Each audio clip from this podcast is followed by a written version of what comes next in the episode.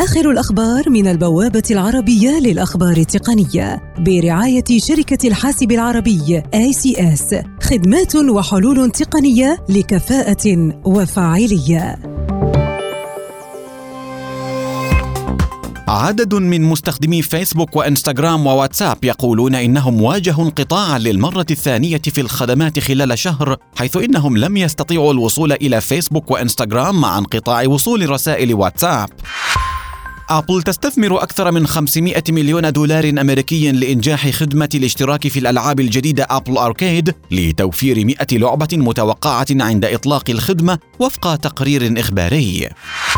تسريبات تكشف عزم مايكروسوفت إطلاق منصة الألعاب المرتقبة Xbox One All Digital في السابع من مايو المقبل بسعر 300 يورو تقريبا وهي نسخة بلا قارئ للأقراص الليزرية وبمساحة تخزين قدرها 1 تيرابايت ودعم تقنيتي 4K و HDR باحث أمني يكشف ثغرة أمنية جديدة في متصفح Internet Explorer التابع لمايكروسوفت تسمح للقراصنة بسرقة بيانات مستخدمي نظام ويندوز وإن لم تستخدم المتصفح إذ يكفي أن يكون البرنامج موجودا على الحاسب.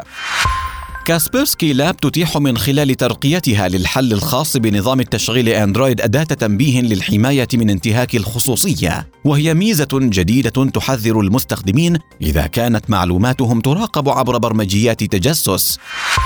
باحثون بجامعة برينستون الأمريكية يصممون تطبيق مفتش إنترنت الأشياء يتيح التجسس على الأجهزة المنزلية الذكية، لكن هدفه تقديم أداة بسيطة للمستهلكين لتحليل حركة مرور الشبكة لأدواتهم المتصلة بالإنترنت.